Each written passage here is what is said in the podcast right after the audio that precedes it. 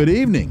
Welcome to the Critical Hour. We're coming to you from the capital of the United States of America, Washington, D.C., here on Radio Sputnik.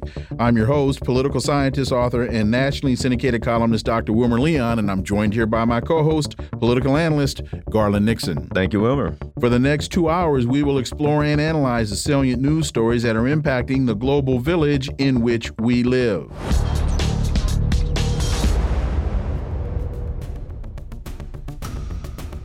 Sputnik International reports Russia will ask Canada to explain decision to honor Nazi veteran. Russian ambassador to Canada, Oleg Stepanov, told Sputnik that he would request explanations from the Canadian Foreign Ministry and the Prime Minister's office in connection with the invitation and honoring in the country's parliament of Ukrainian Nazi veteran Yaroslav Hunka. For insight into this, let's turn to our next guest. He's an independent journalist, political analyst, and reporter for RT, Caleb Maupin. As always, Caleb, welcome back. Sure. Glad to be here as always. So, Canada's House of Commons Speaker Anthony Rota honored 98 year old Yaroslav Hunka of North Bay, Ontario, this past Friday during Ukrainian President Zelensky's visit to Canada, following Zelensky's address to Parliament, in which he thanked Canada for its support in Ukraine's war. Rota introduced Hunka as a war hero. It has now been determined he's a Nazi.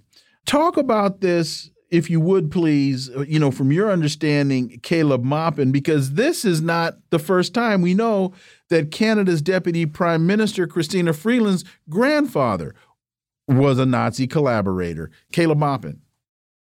Well, you know, I'm forced to reflect on my years of political organizing in Cleveland, Ohio. Uh, and, and, and particularly in the suburbs on the west side of Cleveland, you know, Parma, Parma Heights, uh, you know, there's a lot of Eastern European folks there. There's a really strong Ukrainian community. Um, and uh, you know, at, one point in the 1990s, I think they discovered a an actual Nazi war criminal uh, who was who was there, uh, who had been a concentration camp guard, and there was kind of a scandal in local media that this very old man who had been a concentration camp guard and had committed many atrocities was there. But one theme that I noticed, and this was even years ago, years before the 2014 coup and all of that, was that there was a soft spot for the Nazis among Ukrainian nationalists. Uh, was, that was that?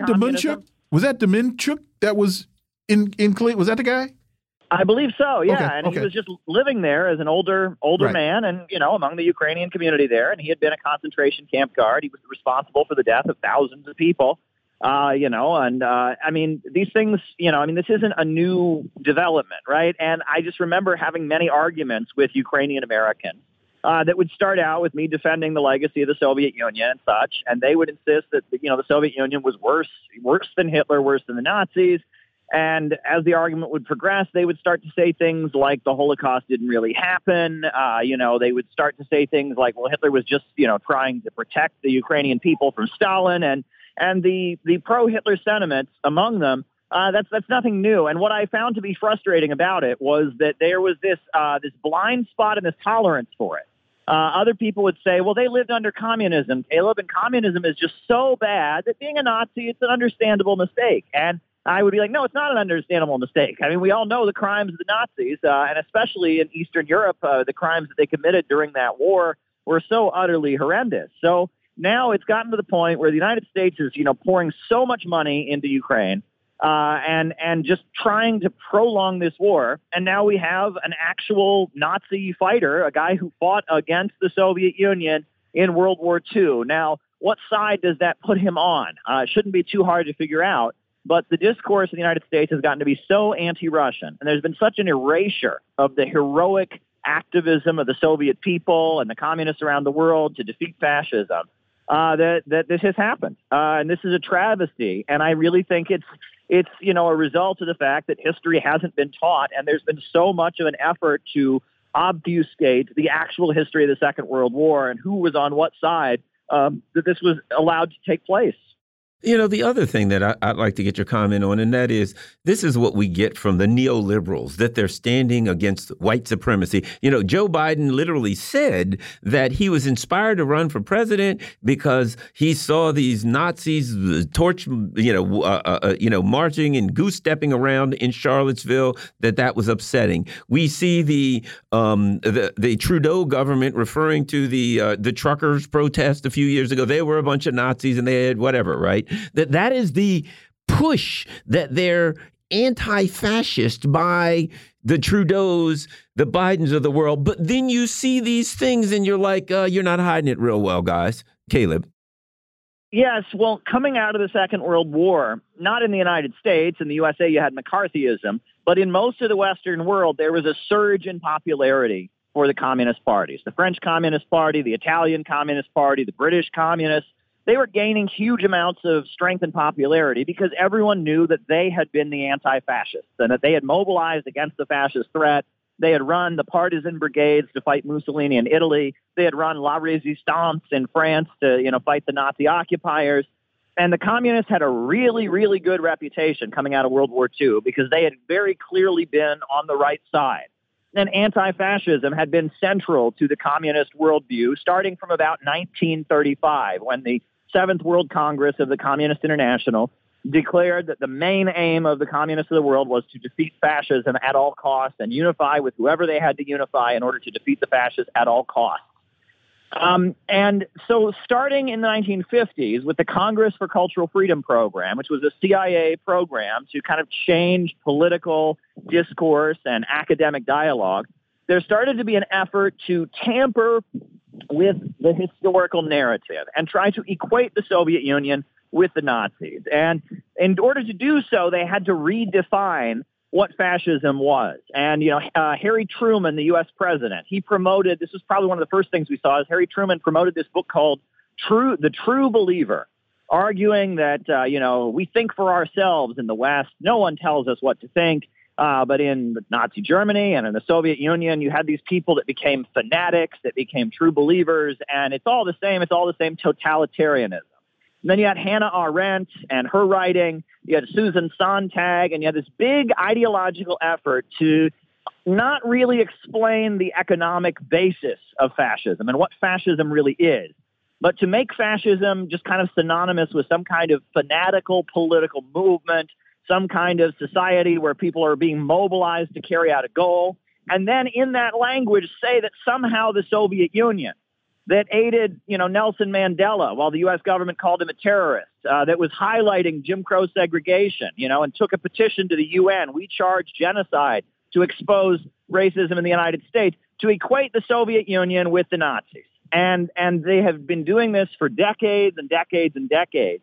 And there has been a huge effort to just kind of equate the Soviet Union and actually existing communism with Nazism in the public mind, uh, and that is that is such a such a disservice to the actual historical record, uh, and they've done it to a great degree. Um, and I, I, will say what is frustrating is to see mar- critics of the Soviet Union, people that are, are Marxists but think the Soviet Union didn't do this right or that it didn't do that right, you know, kind of play into this narrative. You can have criticism, you can disagree, but you have to admit there were two sides in World War II, and those two sides were not equal.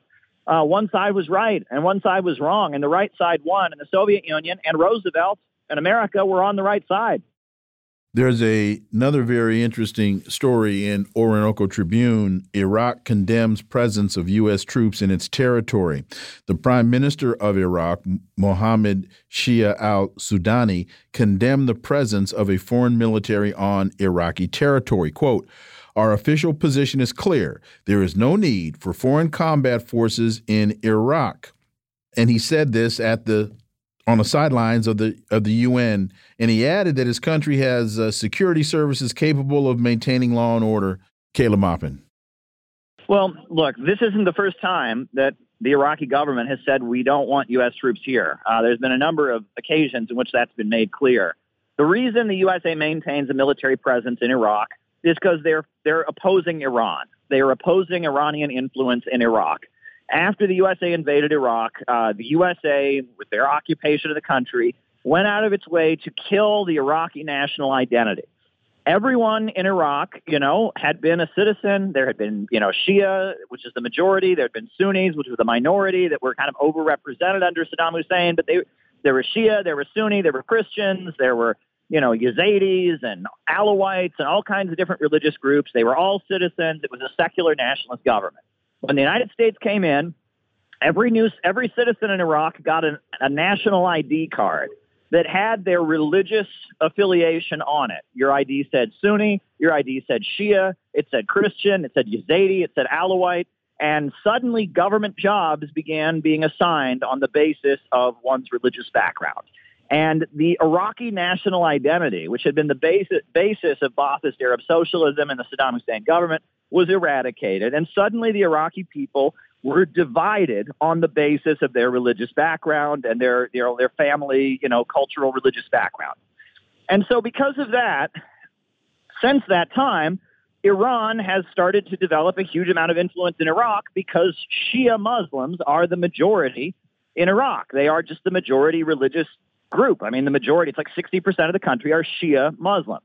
Um, and so when they've had elections, the Shia Muslims, because the USA cultivated this division, this, this tribal ethnic division, uh, they tend to win the elections and they tend to get elected. Um, and that has been the pattern that we've seen since the overthrow of the Iraqi government by the United States in 2003. However, Iran is a geopolitical rival of the United States.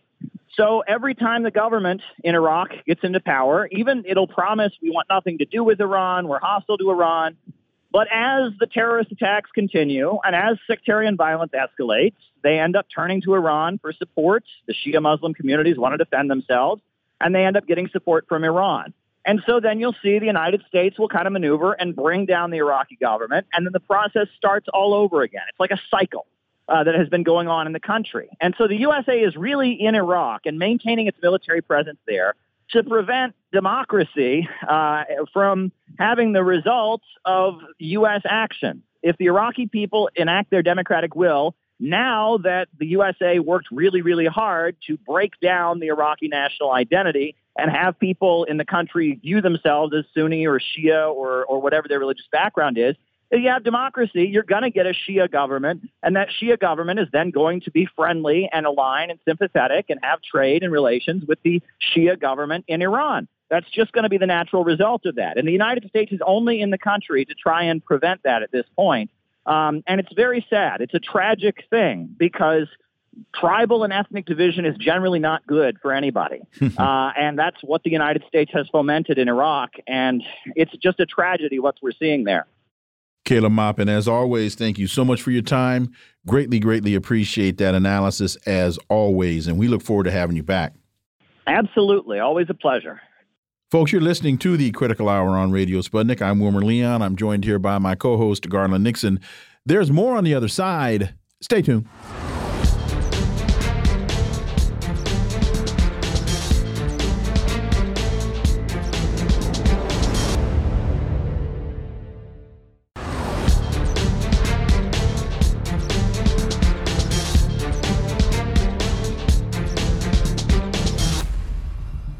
We are back, and you're listening to the Critical Hour on Radio Sputnik. I'm Wilmer Leon, joined here by my co host, Garland Nixon. Thank you, Wilmer. The Washington Post reports White House close to providing Kiev with cluster armed ATACMS. This comes amid Kiev's failing counteroffensive and poses a major risk of escalation. President Zelensky has desired to use the long range weapons to attack the Russian mainland for quite a while. For insight into this, let's turn to our next guest. He's a Moscow based international relations and security analyst, Mark Sleboda. As always, Mark, welcome back. Dr. Leon Garland, thanks for having me. It's always an honor and a pleasure to be on the critical hour. So, the Washington Post reports that the White House is close to deciding it will provide Ukraine with a cluster armed version of the Army Tactical Missile System ATACMS, which has a range of nearly 200 miles and can be fired from HIMARS launchers the HIMARS in Kiev's possession are currently firing munitions with a range of 50 miles. The U.S. arming Ukrainian forces with ATACMS would mark a significant escalation in the proxy war with Russia and cross Moscow's red line. Uh, speak to a couple of things in this story. One, the fact that they're cluster armed, and is that diff is the cluster element of this different than the ATACMS that are currently being used, and the thought that this is going to cross a red line. What will be the repercussions of crossing that line, Mark Sleboda? Okay, so the ATACMS the Army Tactical Missile System, is a short range ballistic missile that can be fired from uh, M270 uh, or HIMARS uh, system, which has already been supplied uh, to the Kiev regime. Um, so the HIMARS uh, the, uh, existing rockets that they're firing from the HIMARS. The HIMARS is a long range multiple launch rocket system, of, of which Russia has several variants as well. Um, but um, it it is they are currently not firing ATACMS. They're firing a different, shorter range normal rocket. Um, so it supplying the ATACMS could be a potential escalation. Now, uh, there are many variants of the uh, ATACMS missile, and uh, the the most relevant uh, variants uh, at display here are the type of warhead and the range. All right, we don't know what range the um, missiles being provided from the ATACMS are. Usually, when we're talking export version, they are significantly less. So while the maximum range is 190 miles, it may be considerably less than that, although it's almost certainly more than the current 50 miles that the rockets are firing from the HIMARS are. Uh, second of all uh, is the issue of warhead. And we know from the Washington Post that they're providing cluster armed warheads, right? They're that are firing cluster munitions instead of normal high explosives. Why? I, I, I, I, know why, but this makes them really pretty useless to be to be perfectly honest, right? Um, a, a a cluster munition is a very particular type of weapon for a very particular situation.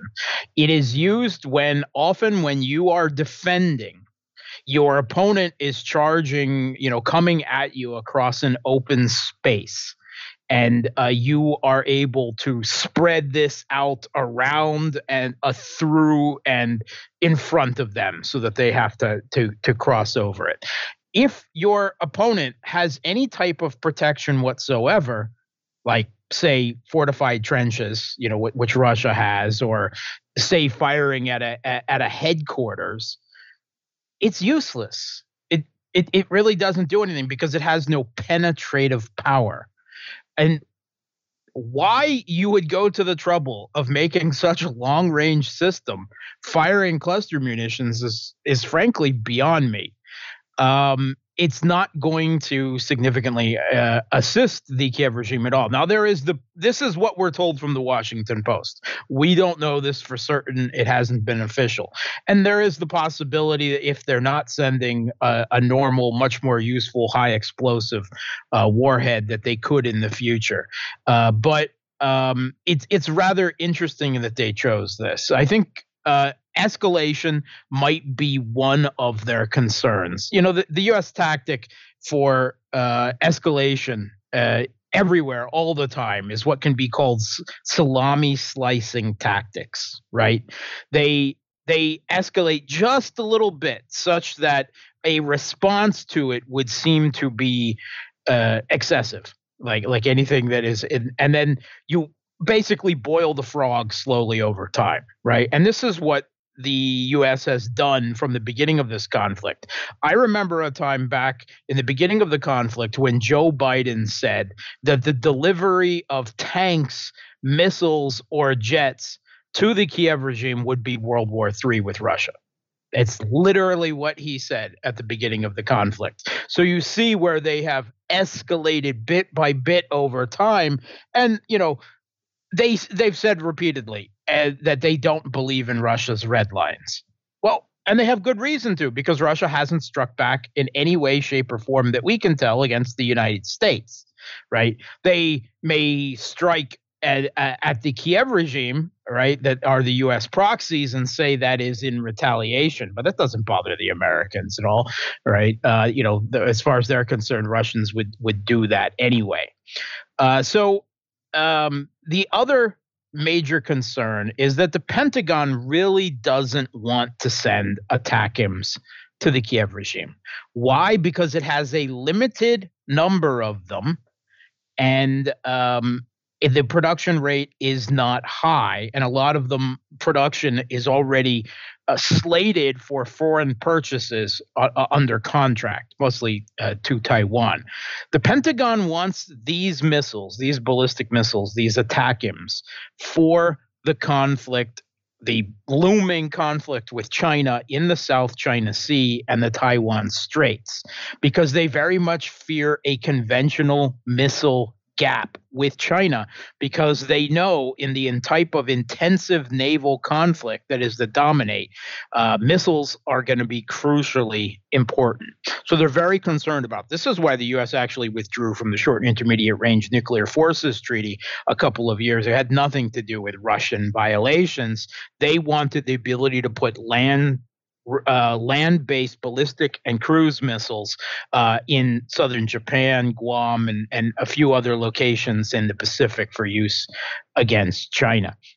Now, according to the Washington Post, the U.S. has 1,486 high um, uh, ATACMS missiles, and something around 364 of them have cluster warheads. Now, I mean, they could uh, shift things around, right? You know, they can be changed, and, and I would think at relatively, uh, you know, little cost, maybe, you know, and and little time. But that already gives us an upper limit of what the Kiev regime is going to receive, right? Uh, theoretically, uh, according to what we know from the, from the Washington Post, at least. So up to 364, probably much less than that cluster uh, warhead munitions. And uh, I will tell you that I believe that the U.S. is, a, they say they're only supplying a small number, right? This is a token effort. Much like with the Abrams and the Leopards, the U.S. Surprise, supplied a promised a small number of Abrams, which are supposedly just arriving now, um, and but will not be used on the battlefield, according to Budanov, except in very specific ways, according to the Kiev regime's military intelligence head, who just gave an interview last week, uh, because they're too precious and fragile, and Russia will destroy them. He said. Um, so uh, they don't they don't want that embarrassment. Uh, but they, the U.S. provided a small number of Abrams to pressure and to provide political cover for the German government to send their own leopards in larger numbers. I think that that's what is going on here. France and the UK have already supplied their Storm Shadow Scalp cruise missiles, and and by all accounts, they're actually uh, running low on the amount that they can spare to provide the Kiev regime. They keep losing them. They uh, the, Russia is hunting where they're being caged down. Uh, Germany has resisted sending their own Taurus cruise missile um, uh, up till now. I believe the U.S. is sending the ATACMS to pressure slash encourage or provide political cover for the Scholz government in Germany to send the Taurus. That's what's going on here. This is this is another token effort by the U.S. so that Europeans provide more. Another interesting story, Mark, and uh, Canada's taken a lot of heat. Yaroslav Hunka is a 98 year old Ukrainian Nazi veteran. He fought with the Waffen Grenadier Division of the Nazi SS, and he got a standing ovation by the entire Canadian Parliament, who, might I add, stands against white supremacy and uh, anti Semitism and all that stuff until a Nazi walks in the room. Your thoughts, Mark? Wow, this was surreal. This is this is like out of a Philip K. Dick novel, you know, The Man in the High Castle, you know, where you you see Americans, you know, uh, you know, or you know, uh, doing uh, you know, the Hitler salute and and and so forth. This is exactly what it's like except it's real life. Yeah, they the speaker of the Ukrainian parliament introduced to the president uh, and Zelensky a, uh, a, a Ukrainian immigrant who had fought in World War II, and they introduce him as someone who had fought in the first Ukrainian division. What's the first Ukrainian division? It's better known as the first Galician division, oh. right? Ah. Or, or the other name is the 14th Waffen SS Volunteer Division. Oh. These were the West Ukrainian Nazi collaborators that massacred Jews, Poles, Russians, East Ukrainians, intellectuals, leftists, and anyone else under the sun who wasn't a Banderite Ukrainian, right? This is exactly what uh, the Kiev regime glorifies as the heroes and founding fathers of their new Ukrainian state. This is what Azov and Carpathian Sich and Right Sector, these are the guys that they consider heroes. And the uh, the the organization of Ukrainian nationalists and the Ukrainian insurgent army led by Stepan Bandera, the genocidal neo-Nazi, you know, sorry, not neo-Nazi, he was original, old school, Nazi collaborator. And the government officially glorifies them. It's got military units that, that that glorify and idolize them. They celebrate their birthdays with torchlit parades, uh, national holidays, and now we see all of Canada, the Canadian government, bowing down before a Nazi and calling him a hero, a Waffen SS. This is how far the hatred of Russia has gone. They said he fought against the Russians. Yeah. And they also massacred the Jews and the leftists and the Poles and, and everyone else because they were Banderite, fascist Nazis. Now, afterwards, the Speaker of the Canadian Parliament took it back and said a mistake was made. No mistake was made. And then the president and Zelensky, uh, well, the president speaking for Zelensky, uh, Trudeau, he tried to say, oh, it was a mistake. We didn't know anything about it, me or Zelensky. It was arranged by the, the speaker of the parliament, and he admitted it was a mistake and it shouldn't have been done. So we're all okay, right? We're, we're all okay? No, we're not okay because the family of this um, uh, Nazi tweeted out several days or before the event that they were waiting because they had a meeting scheduled with Trudeau and Zelensky after the parliament. So this they knew perfectly well.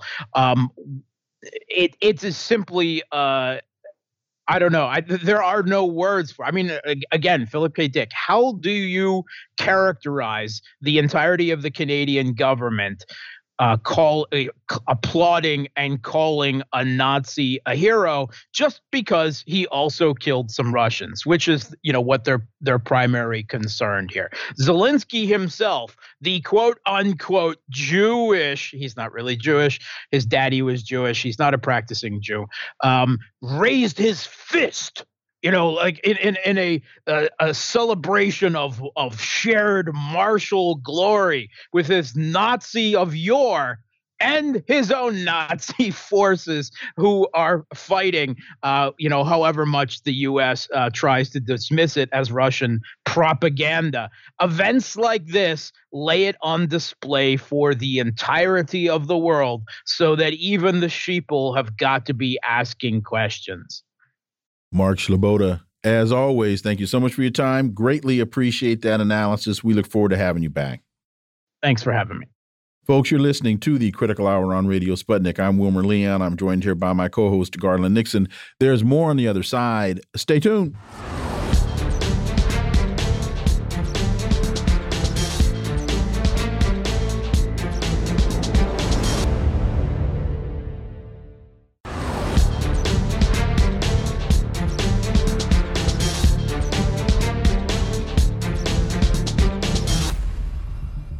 We are back, and you're listening to the Critical Hour on Radio Sputnik. I'm Wilmer Leon, joined here by my co host, Garland Nixon. Thank you, Wilmer. The Orinoco Tribune reports Chinese balloon was not spying. U.S. government admits months after manufactured crisis.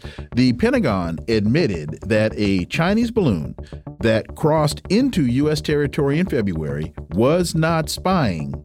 It was likely blown off course by wind. But Washington and the media milked this manufactured scandal for new Cold War propaganda.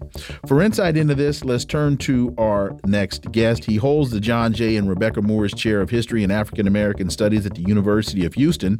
He's one of the most prolific writers of our time. His latest book is entitled Revolting Capital Racism, Radicalism in Washington, D.C., 1900 to 2000. Dr. Gerald Horne, as always, welcome back. Thank you for inviting me. So, of all people, the chairman of the Joint Chiefs of Staff, General Mark Milley, who stated the intelligence community, their assessment, and it's a high confidence assessment, is that there was no intelligence collected by that balloon. The U.S. government has admitted that severe accusations it made against China were just a lot of hot air. This, Dr. Horne, while Milley, whose four year tenure as chairman of Joint Chiefs of Staff ends with his retirement this month. So he's setting the record straight and exiting stage left at the end of the month, Dr. Gerald Horne. Well, I think it's important for your audience to recognize that in order to understand this schizophrenic, this bipolar U.S. approach to China, you have to understand the contradictions undergirding this rather erratic posture. That is to say, on the one hand, the United States of America, speaking of the government, which may be going into shutdown within days, is heavily dependent on its operations from based upon loans from the People's Bank in Beijing. And that gives China increasing leverage uh, over Washington at the same time, you have U.S. major corporations like Tesla and Starbucks and Apple and Microsoft and KFC, which are either heavily dependent upon Chinese workers or heavily dependent upon the Chinese market in order to keep their heads above water. But at the same time, U.S. imperialism feels that it has a military advantage over the People's Republic of China, and that that is a depreciating asset that is losing altitude with every passing moment. And so Washington feels, at least hawks in Washington feel, that the United States is in a kind of use it or lose it posture with regard to this military advantage. Either you use this military advantage while it still has currency, uh, or you'll lose it. And that means losing the ball game. That is to say, losing the U.S position as top dog on planet Earth, not to mention the not negligible side effect of a diminishing of the potency, of white supremacy. So this uh, contrast in attitudes, dependence and militancy by Washington then leads to conflicting impulses expressed most recently by the what I call the balloonatics who circulated this obviously transparent story that China, with all of its sophistication technologically, uh, had to send a spy balloon over the United States to, to gather in, in intelligence. Certainly, if policymakers in Washington had been listening to Radio Sputnik rather than so called intelligence analysts in Langley, Virginia, uh, they n- would not have alighted on that wrong headed notion. And I think it's also important to point out that other than what I just said in terms of U.S.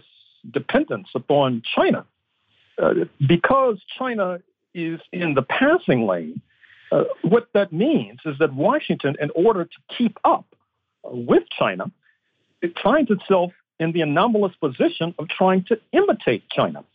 Uh, that's the import, for example, of the so called Inflation Reduction Act, where the U.S. government uh, sails into the teeth of previous policy concerning free market ideology and is trying to reshape a green economy, reshape the entire U.S. economy, it's difficult to understand this strike of United Auto Workers now spreading as we speak without understanding the challenge provided to U.S. automakers by Chinese electric vehicle manufacturers. It's not outlandish to suggest that within a few years, China, not Toyota, not Japan, certainly not Germany, and not the United States, China will be the leading manufacturer of all manner of vehicles. And of course, even there, you see a coupling of interests spanning the Atlantic. Uh, Warren Buffett, the so called Oracle of Omaha, one of the top five richest men in the United States, is a major investor in BYD of China, which is the major uh, EV manufacturer. And so this helps to explain, in part, why Detroit has said, speaking of General Motors, Ford, and Stellantis, that uh, they cannot compete with China in terms of this new market. They can only compete not by cutting the $29 million a year salary of Chief Executive Mary Barra of GM, but cutting the $30 an hour pay that only some UAW members uh, receive in their paychecks. And so the question is how did the United States get into this nerve wracking dilemma? Well, I think the answer is obvious. Uh, there has been an overdetermining of Moscow going back at least to the early 1970s with the Nixon deal with China on an anti Soviet basis, which led to massive foreign direct investment into China. And by the way, UAW members should take note of the fact that their former leader, Leonard Woodcock, was U.S. ambassador to China when these deals were being consummated. Uh, this ability to, to sell out your constituency, particularly a working class constituency, is an emblem of U.S. imperialism. And then there's the overdetermination of, of Moscow, which has led to this Ukrainian escapade, uh, although a goodly number of the U.S. ruling class recognize that if China is the ball game, why are billions being poured down a rat hole in Ukraine? Well, the way to explain that is that many U.S. liberals and neoliberals feel that in order to compete with China, Russia has to be subdued and under U.S. domination and hegemony, whereas the Trump faction feels you should cut a deal with Russia in order to confront China. And interestingly enough, uh, the United States predecessor, speaking of Great Britain, was in a similar dilemma in the 19th century. Uh, they aligned in the 1850s with France and Turkey to attack Russia during the Crimea War. London financed the Japanese attack uh, on Russia 1904, which only led to the Russian Revolution of 1917, and of course, Japan ousting uh, London from its colonies in Asia, uh, Hong Kong and Singapore in the first instance, not to mention the Dutch from Indonesia uh, which put paid to the glory days of U.S. imperialism and in the Philippines, not to mention European imperialism throughout Asia. So once again, as they analyze the chessboard of global politics, increasingly hawks in Washington are coming to realize that there may only be one credible option, and that is war. That is to say, this depreciating asset, speaking of the U.S. military, has to be utilized before it loses all value and the game is up and the jig is up. And incredibly, it seems that Washington has been able to win over so called allies to this cockeyed notion. Speaking of South Korea, which has China as its major market, Japan, ditto, uh, not to mention the Philippines Islands, uh, which is cruising into a confrontation with China at the behest of U.S. imperialism. So, as we sit here today, in late September 2023, the prospects for U.S. imperialism look gloomy indeed. And just quickly, as we now revisit this whole so called spy balloon story that's no longer a, a, spy balloon, I think it's important for the listeners to remember why this whole story was created in the first place. And I believe, and I think you would agree with me on this one, Garland, if, if folks reflect back, on that trip to China, Blinken wasn't invited. Blinken declared, I'm going to China. The Chinese didn't invite him. They said, uh, okay, if, all right. But they weren't going to let Tony Blinken into Beijing. They were going to send him to that second tier city, the name of which I can I cannot recall right now. But they which makes the point in itself. They weren't there you go. They weren't going to make they weren't going to allow him to come to Beijing. They were going to send him to the city where they send all the second tier diplomats and Xi wasn't going to go to wasn't going to go and meet with him. And so when Blinken found that out, they had to create a story to explain, oh, why now Tony Blinken can't go to can't go to can't go to China. Yeah, and, and I would even argue that was an error because Tony Blinken ain't no diplomat. China is a significant creditor of the U.S. The U.S. containment of China, particularly through creating military tensions in China's neighborhood, as well as the overall restriction on Chinese manufacturing and its impact on the livelihoods of the Chinese people, has heightened China's worry about the U.S. reneging on its debts. That comes from the Global Times. Your thoughts on that, Dr. Horne? Well, I'm glad you raised that issue because that allows me to footnote my previous assertion of the U.S. depreciating, depreciating assets, speaking of the U.S. military. The other possible arrow in the U.S. quiver is the old saw, the old bromide, that if you owe your banker a thousand dollars, you mm-hmm. may be in trouble. But if you owe your banker a trillion dollars, the banker's in trouble. Mm-hmm. and the United States, hence Donald Trump. Not, right. And so uh, the U.S., which of course is accustomed to riverboat gambles, uh, may decide to bring down the entire uh, temple of the global economy, which is heavily a capitalist economy, by repudiating, reneging on the debt to China, uh, which of course would throw capital markets into turmoil. But that sort of threat, that is to say, the United States putting a gun at its temple and saying, don't approach me or I'll shoot.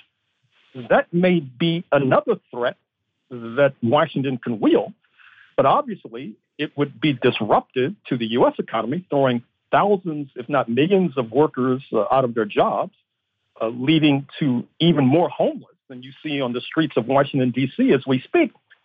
So uh, this is a very perilous moment that we face. And how successful, Dr. Horne, would that U.S. strategy be? And we know it would be an utter failure with with the reports that China has been very slowly liquidating the U.S. debt that it holds. It's been slowly liquidating that debt over the last few months.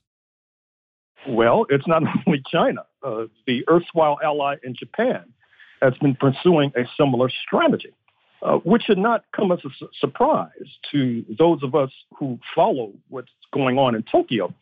Uh, for example, uh, even though this atomic bombing of Hiroshima and Nagasaki is viewed as an unfortunate episode on this side of the Pacific, it still felt, felt very intensely, as well as it should be, uh, in Japan, just as that movie Oppenheimer, uh, which was a box office hit on this side of the Pacific, telling the tale of Robert Oppenheimer, seen as the father of the atomic bomb, it did not go down as well uh, in Japan. Not to mention the fact that Japan, unlike the United States, has a very credible uh, left-wing movement, uh, particularly a strong and vibrant communist party, a labor movement that annually goes on a, what they call a spring offensive. So Washington uh, has what I would call transactional allies that will leap from the Washington canoe at the first sign of troubled waters. Dr. Gerald Horne, as always, thank you so much for your time. Greatly, greatly appreciate that analysis, and we look forward to having you back. Thank you. Folks, you're listening to the Critical Hour on Radio Sputnik. I'm Wilmer Leon. I'm joined here by my co host, Garland Nixon. There's more on the other side. Stay tuned.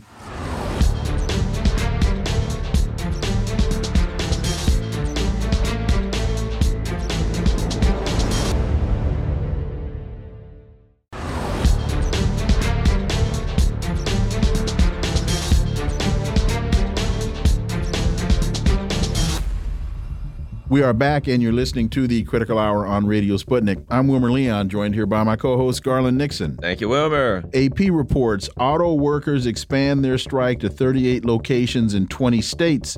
Biden plans to visit in order to show support. The UAW expanded its strike on Friday, walking out of all 38 parts distribution centers operated by GM, Jeep, and Ram uh, owner Stellantis in 20 states, but sparring Ford from further shutdowns. For insight into this, let's turn to our next guest. He holds a PhD in political economy, taught economics at St. Mary's College in California.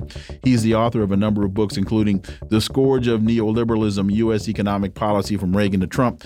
And he was a labor negotiator for a number of years.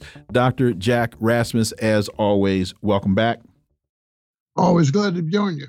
So, Joe Biden said on X that he will visit Michigan tomorrow to join the picket line and stand in solidarity with the men and women of UAW as they fight for a fair share of the value they helped create. And again, uh, they're expanding their strike to 38 locations in 20 states.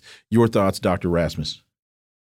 Yeah, well, you know, it confirms that uh, this first week, where they only struck three three plants, was uh, a mistake. I think, and now they're quickly trying to expand it to uh, 38 uh, additional plants, which will have more of, of an effect. Uh, you know, they called it the stand up strike, kind of a play on words for the great historic sit down strikes in 1937 that, uh, you know, created the UAW. Uh, but, you know, it's kind of a phony thing, stand up strike, you know. Uh, but the media loved it and jumped on it. Uh, but I think now it's pretty much confirmed that uh, they they've got to strike more facilities. The other interesting development is what's going on with Ford in Canada with the auto workers up there.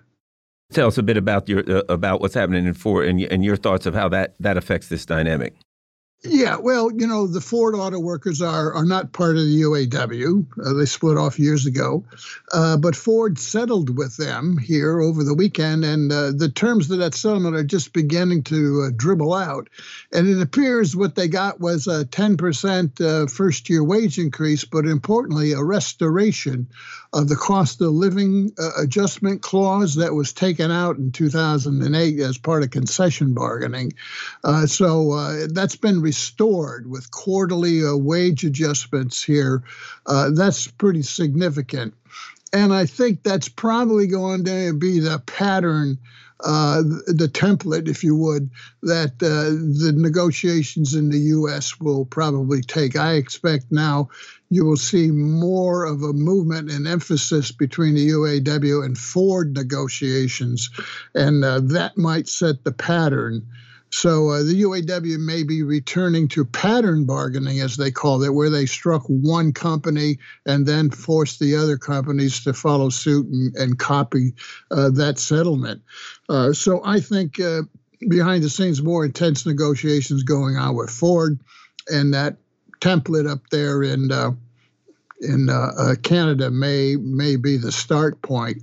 So we'll see about a 10 percent or so first year wage increase and a restoration of COLA.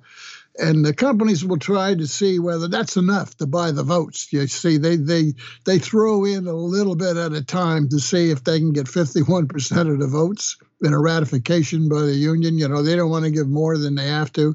Uh, if if the union ratifies it by 70, 80%, uh, then the companies think they gave too much. So uh, they're going to uh, uh, throw in cola here and uh, big uh, upfront uh, increase and, and see what uh, uh what the response is uh, among uh, the rank and file in the auto, particularly Ford.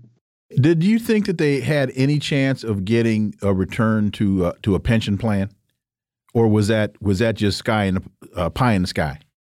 I I think they will get some kind of a of a, a, improvement for the retirees mm-hmm. uh, because many of them are, are, on the old pension plan, you know, which has been pretty much supplanted for new workers, particularly the second tier, with these phony 401k plans, right?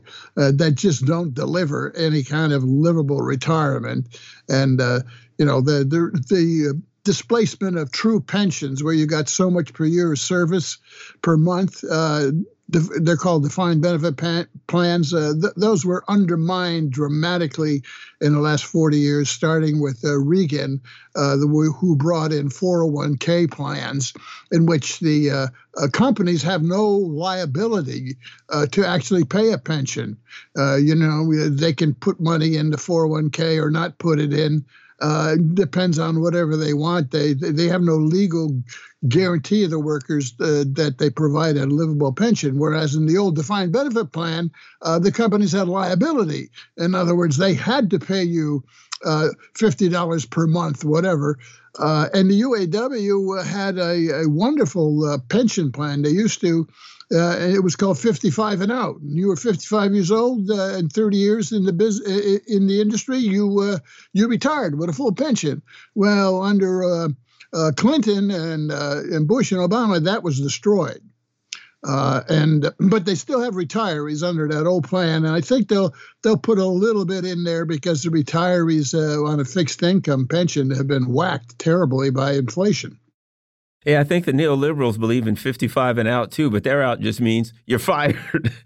uh, how about we go to another great article? It's at jackrasmus.com. The UAW strike, historic fight to end 44 years of concession bargaining. Dr. Jack, uh, the great article, and you look at this through the um, context of history. Your thoughts, Dr. Rasmus? Yeah, well, you know, I, I follow the history of uh, union labor and collective bargaining and so forth for, for quite some time in all, all my books. Uh, and you know, I started as a labor economist, and I spent 15 years, uh, you know, in in the weeds here as a union organizer and local president. So, uh, you know, I kind of know what's what's going on. and in 1979, uh, we really had the beginning of concession bargaining. Unions uh, in this case, the, the historic case was the uh, UAW Chrysler strike in 79. And uh, the sad thing was that the, the leader, leadership of the UAW at that time uh, bent towards uh, uh, Jimmy Carter, who intervened in negotiations and uh, forced them or convinced them uh, them, meaning the leadership, not the rank and file, uh, to uh, provide concession, concessions to uh, Chrysler. And that started the con- concession bargaining uh, uh, practice in history here. So it began with the UAW, but then it spread quite a bit. Uh, and as uh, you know, offshoring devastated U.S. manufacturing under Reagan, and after uh, concession bargaining took a deeper a deeper root here. And even in uh, the as late as the 2019 strike, uh, UAW against GM uh, turned out, you know, very large concessions were made by the union, including giving up its cola and everything. Cost of living adjustment clause, and this two-tier arrangement where you have two two citizens of workers. You know, you have uh, the second tier, which are mostly new hires and temps and so forth, who get much less uh, than those who, who, are sort of grandfathered in, who have been, uh, you know, with seniority in the union, and it really splits the union, and that's why uh, uh the, the, companies uh, may agree to a wage increase, but as long as the two-tier arrangement exists, as the older folks uh, retire at higher pay, uh, well, they just hire the second tier, newer pay uh, at, at, lower and fewer benefits. So they take back whatever they say they they gave in in negotiations. They take it back. Um, that's the advantage of, for companies for this two tier uh, abomination, uh, and the unions have to get rid of that because um, you know it's just a way of uh, taking back wages that they say they agree to in negotiations. And if they don't get rid of the second tier, the same thing's going to happen. Also, you got to remember that uh, the the big three are on on the brink of uh, uh, building uh, electric vehicle plants, and electric vehicle plants just don't need the parts. So there's going to be fewer workers uh, and they're going to take away some of the uh, package, whatever it is, because they're going to lay off workers as they build these electric vehicle plants. Uh, so if the union comes out with a 25, 30% total package over over five years, which you know is a shame they go five years now. It used to be no more than three in, in terms of the length of the contract. Um, if the union comes out with a, you know a five year uh, agreement and uh, and they build electric vehicles, uh, then uh, it's not going to be a 25, 30 percent because the company's going to save money on the back end uh, by laying off workers in these plants. Just as the, the second tier allows them to save money on the back end as people retire and they pay them lower wages in the second tier. You know, when you talk about the second tier labor rates, that just makes me think about the whole initiative of American corporations going overseas searching for cheaper labor. Now they've created a two-tier system in this country, so they created the labor the labor rates that they were looking for overseas. They're they're they're creating those here. You mentioned uh, in your piece, can the auto companies afford 36 percent? in terms of an overall package? And the answer is based upon the profits that they're making, the answer to that question is obviously yes. Oh yeah, they're fat with cash. You know, uh, the the facts are they made 250 billion in profits over the last decade.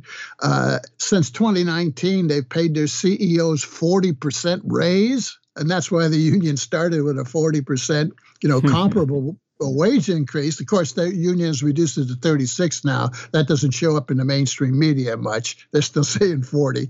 Uh, shareholders have gotten uh, $80 billion in buybacks, stock buybacks, and dividend payouts. Uh, the government gave the auto companies 80 billion bailout back in 2008 and 9. Uh, Trump's tax cuts gave them tens of billions of dollars more in 2018. Uh, Biden's given them tens of billions. We don't know exactly how much. Uh, uh, direct subsidy uh, and tax cuts in order uh, to lure these companies to build their new electric vehicle plants in the U.S. So, you know, they got all this cash. They're sitting on a mountain of it, and uh, they're saying, oh, you know, uh, we need it to build our electric vehicle plants. Well, the government's subsidizing most of that.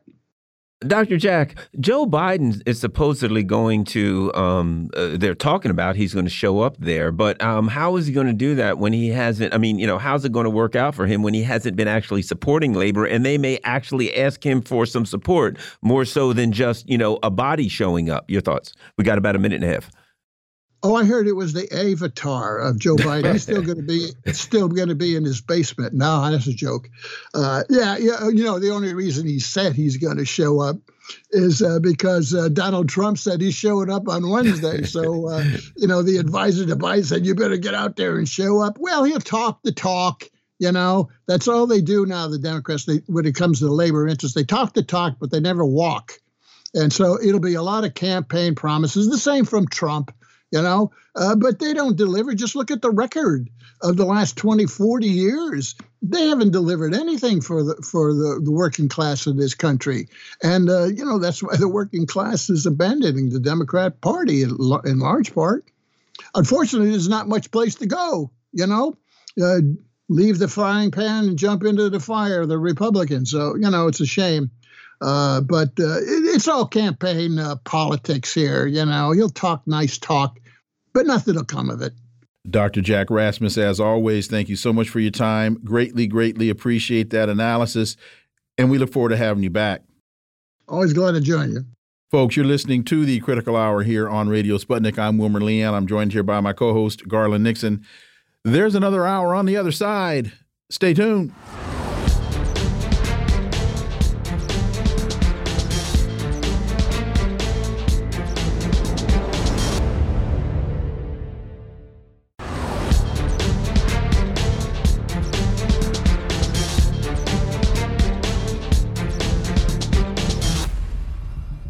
We are back, and you're listening to the Critical Hour on Radio Sputnik. I'm Wilmer Leon, joined here by my co host, Garland Nixon. Thank you, Wilmer. The New Arab has a piece entitled Iran's Raisi says Israel Arab, quote, normalization, end quote, deals will fail.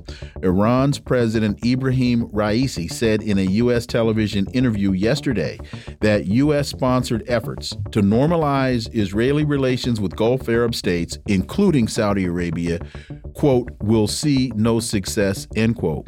Raisi also said Iran had not said it does not want nuclear inspectors from the UN nuclear watchdog in the country.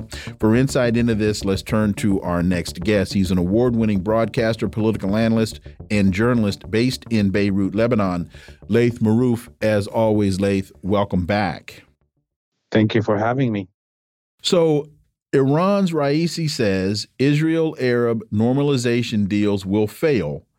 This while Saudi Arabia delegation to visit West Bank this week amid Israeli normalization talks.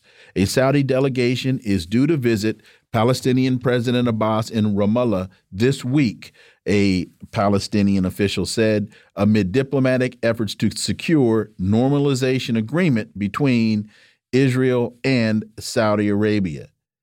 That could involve concessions for Palestinians, as it is reported. Your thoughts on this, Laith Marouf? Well, it's clear that the Saudis uh, are trying uh, their hardest to have uh, an open relationship with uh, Israel and, and uh, instead of their close relationship that they've had behind the doors for the last 70 somewhat years. Um, and they're doing it uh, in a in a slow pace and specifically in ways that can make them look like they've done something for the Palestinian people to help the Palestinian people, unlike uh, the Emirates or Bahrain, who just normalized with no, no care for what is happening to the Palestinian people. And uh, clearly, the Palestinian Authority is providing that service of cover for the Saudi normalization with the Zionists. And as we see, the first step will be supposedly opening a Saudi embassy in Ramallah. Um, that will come after this uh, reported Saudi visit that's going to come next week. And of course, I just want to be clear, you know, President Raisi of Iran is 100% correct. These normalization deals will lead to nothing because the Palestinian people uh, will continue to resist and revolt against the occupation and the Zionist colony. There will be no ability to build any uh, trade routes as the Saudis and the Americans want uh, that go from Saudi Arabia and the Emirates to uh, the Israel Zionist colony. And that's clearly not going to happen. So uh, Mr. Raisi, President Raisi, is definitely correct on his assessment. You know, and the other thing I think is when you look at the kind of extremists right now that are in power um, in the Israeli government, uh, uh, you know, they're going to be more and more violent towards the Palestinians. And it, won't that make it tougher for the leaders, even Saudi, a country like Saudi Arabia? Won't that make it more difficult for the leaders of any Muslim country to maintain relations with Israel as they get more and more violent towards the Palestinians? I would think that the the citizens of the country will get more restive, shall we say? Definitely, and you know, uh, surveys of uh, Arabic populations, uh, including the Saudi population, show at least 90 plus percent of the population, um, you know, support Palestinian uh, resistance and are against the existence of the Zionist colony. So there's no way around it in terms of when we talk about uh, will the the Arabic peoples uh, accept the existence of this Zionist colony? Never. Um, and uh, as we are speaking right now, just a few hours ago, the, the Israelis bombed uh, Gaza. There's they've been uh, shooting at demonstrators on the borders of Gaza. They've been killing on a daily basis Palestinians in the West Bank. Yesterday, they they used missiles to target a house uh, in um, in in outside Hebron. So we're at a stage that uh, you know the Israelis are pushing for war. So you know to think that normalization will happen now is uh, ridiculous and a delusion. Does it mean anything that the Saudis are talking to the PLO leader and not talking to Hamas? Of course, it means something because on the ground uh, in the West Bank right now, Fatah the party that controls the Palestinian Authority as well as the Palestinian Liberation Organization uh, is, uh, you know, have lost any credibility. There's uh, not much support for Fatah there's a lot of love for the historical martyrs and leaders of Fatah that uh, you know gave a lot to Palestine. But most people uh, in around the Palestinian community, around the world, inside Palestine, inside the West Bank, have now uh, you know moved on to be members of other parties, and they see Hamas and Islamic Jihad and the PLFP as more representative of their uh, requests for liberation and more representative of what they believe needs to be done to uh, reach this liberation.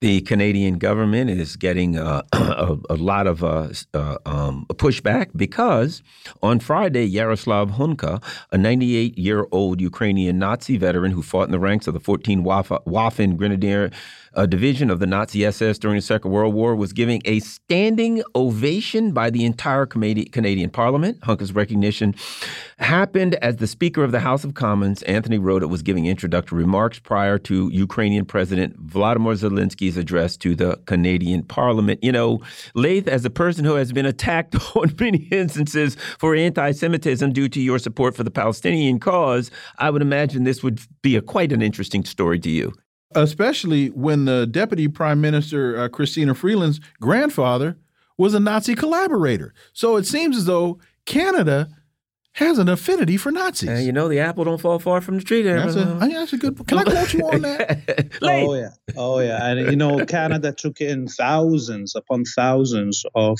Ukrainian Nazis at the end of World War II, and it's uh, all in the records of history. Uh, and we also, I want to note that the Canadian government took in the Phalange uh, Christian supremacist uh, militias of uh, that were occupying South Lebanon uh, with Israel when the Israeli occupation ended in the year 2000. Many of these uh, torturers and, and, and genociders ended up in the streets of Canada, and, and there was a huge story of a Palestinian uh, and Lebanese um, citizens, Canadian citizens, that saw their own um, jailers and torturers in the streets of uh, Montreal. And now, as we know, the Canadian government also took in the Al Qaeda Wahhabi death squads of uh, the White Helmets at the end of when Syria liberated the south uh, of the country a few years ago. They gave all of those Wahhabi death squads also citizenship and gave them new names.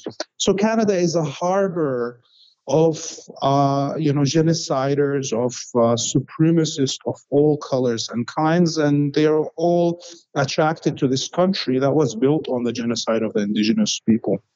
Clearly, um, you know anyone uh, that watched over the last year the attacks on me because of my criticism of Israel being called uh, an anti-Semite uh, by the prime minister, the prime minister Trudeau, who now invited this this Nazi to the parliament where all these parties of uh, the Canadian parties doesn't matter their strips the conservatives the liberals the NDP the Greens the uh, Bloc Québécois they all stood in, in uh, standing ovation for a Nazi who was proud Nazi. This guy uh, was posting on Facebook his pictures in his Nazi uniforms his pictures from the genocide that he committed and was labeled as a Canadian and Ukrainian hero by the Speaker of the House uh, in Canada. And of course, we must note that there was another Nazi there in that room, not only this old Nazi, but Zelensky himself is a Zionist Nazi, is a Jewish Nazi that supports, that wants to create an Israel in Ukraine, as he purports multiple times. So we see uh, that um, you know the West as a whole and Canada specifically are right now outright harboring Nazis, collaborating with Nazis, and working with them to uh, you know defeat Russia, as in World War II. This is hilarious.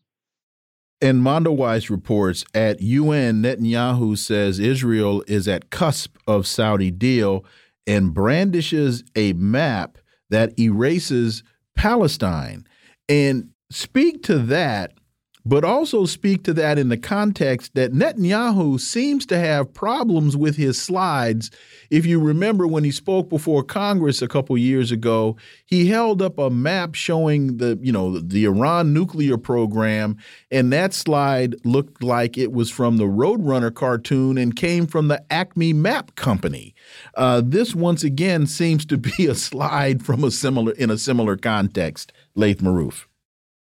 What's really funny is that the Western propaganda tells us that uh, Israel is the high tech hub uh, of in, you know innovators, and it seems like Netanyahu can't uh, find one person to to give him good graphics for his propaganda.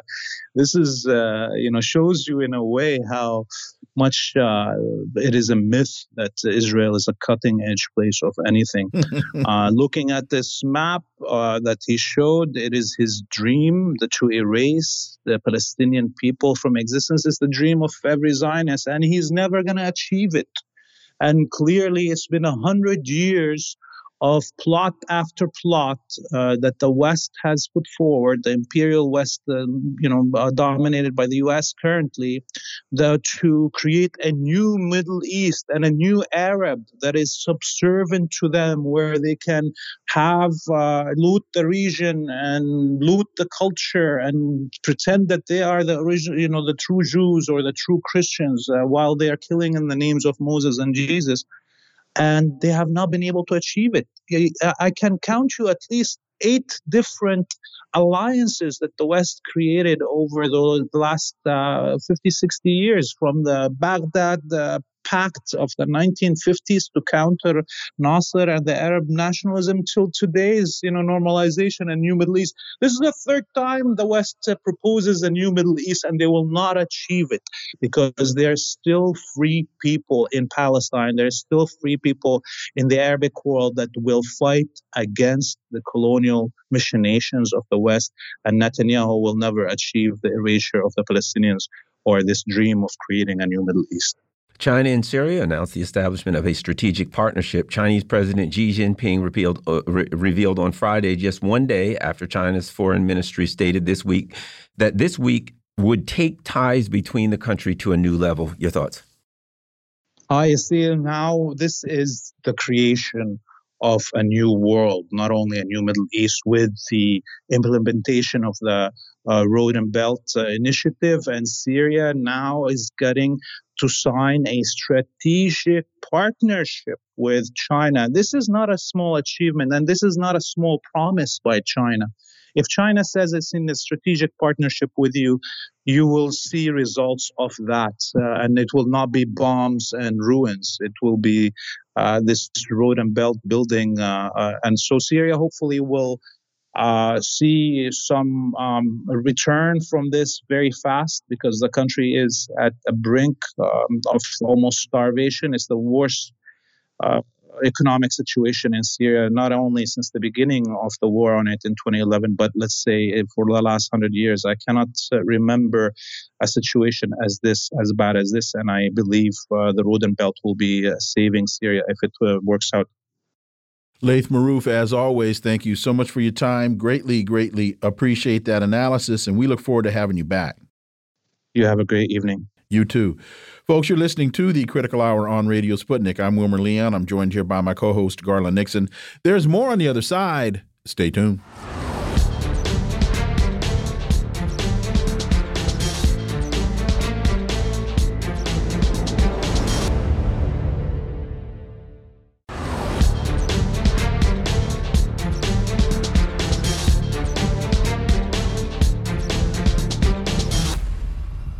We are back, and you're listening to the Critical Hour on Radio Sputnik. I'm Wilmer Leon, joined here by my co host, Garland Nixon. Thank you, Wilmer. The Greanville Post has a piece entitled The Impact America's Defeat in Ukraine Will Have on the 2024 U.S. Presidential Election. If Joe Biden becomes the Democrat Party's nominee, then almost any Republican nominee would likely beat him because he had committed America's government to victory in Ukraine, done in such a way that there can be no going back on it that won't strip him of the public's respect for him on account of America's loss in that war. For insight into this, let's turn to our next guest. He's an international geopolitical consultant, global speaker, author, veteran, and former international security analyst in Washington, D.C. He's the founder of Global Perspective Consulting, headquartered in Dallas, Texas. He is Dr. David Oualaalou. As always, welcome back. Pleasure to be with you, Wilmer. These are some of the comments that have been attributed to President Biden on the 23rd, uh, uh, the 21st of February. Ukraine will never be a victory for Russia. Never. On the 13th of July, we will not waver for as long as it takes. The 24th of August, our commitment to Ukraine's independence is unwavering and enduring. On the 21st of September, Mr. Zelensky, we're with you and we're staying with you. So the thoughts about this, and then they also say in the piece that if Kamala Harris were to become the nominee, then she would never be able to disassociate disassociate herself from this. And then, of course, we can't we can't separate the U.S. withdrawal from Afghanistan and what the Republicans will do with that. Dr. Oualaalou. But of course, it's, it's a very complicated picture per se. But at the same time, it's becoming clear, first of all, that President Biden is in no position to run again. You know, uh, nothing against elderly. We're all going to get there one day. But uh, you know his mental state it's not where it needs to be to even consider uh, uh, uh, running again. So what are we left with? You're going to push kamala harris the vice president to the forefront but that one forefront because even kamala harris herself is not a qualified for that position. What i do see coming and again you might think about it like a, a conspiracy maybe we will parachute uh, what's her name? Uh, uh, President, uh, former President Barack Obama, Michelle Obama, as the next, which I am sure many will not want to vote for her. So basically, what are we left with is that the Democrats have no viable leader to step forward for the next elections because literally, with what Biden got us into with this Ukraine saga, I am certain most Americans will say enough is enough. Let's just go the other direction. Even now, you have voices inside Congress from the Republican side that is saying, we're done. They're saying it quietly, but you can just see, even for the Speaker of the House, uh, McCarthy, uh, is pushing a little bit against quietly because he's also concerned about his political career, but he's pushing slightly against uh, more funding for uh, U- Ukraine. And frankly, it's about time. I mean, when we're going to stop with this? While American families are uh, struggling to make ends meet, uh, we are already noticing the prices of goods, the food, the inflation, the gas, you name it. Here's the other thing, uh, you know, Gavin Newsom. We've been seeing the Democrats push him. His name's coming brought, brought to the forefront, asking him, "Are you running for president?" Then he won't answer. We know how that game's played. However, we know we're going to see pictures of the disastrous, the economic disaster in California. Who its fault or it is or not is irrelevant. That his opposition, if they run him, will show those horrifying pictures in Los Angeles, in Oakland, in San Francisco, and that he won't have a chance to win if that's the case. Your thoughts? Well, for sure, Garland. I mean, I live in Texas. We got a lot of people coming in from California. They buying houses here and so on. It's like, well, you know, what's what's the issue? It's like, well, we can't live anymore in California after what the governor is embarking on the policies from you know COVID to the uh, uh, housing market to the food price, the taxes, and so forth. So for him, he's another non-qualified, in my opinion. Uh, you can't vote for somebody like that that is already uh, sort of uh, pushing uh, down people's throat as far as the policies, which nationally it's not going to succeed. And like you rightly so pointed, all the Republicans going to need to do is to show these images of how uh, how uh, California has become. And and they said, is this what you want for the whole United States? If you vote for this guy, and and I just don't see, you know, yeah, he's playing in the politics and all that, but it's not going to bode well for Democrats, in my opinion, coming uh, in the upcoming presidential elections. Two things you mentioned uh, McCarthy and his position on Ukraine funding.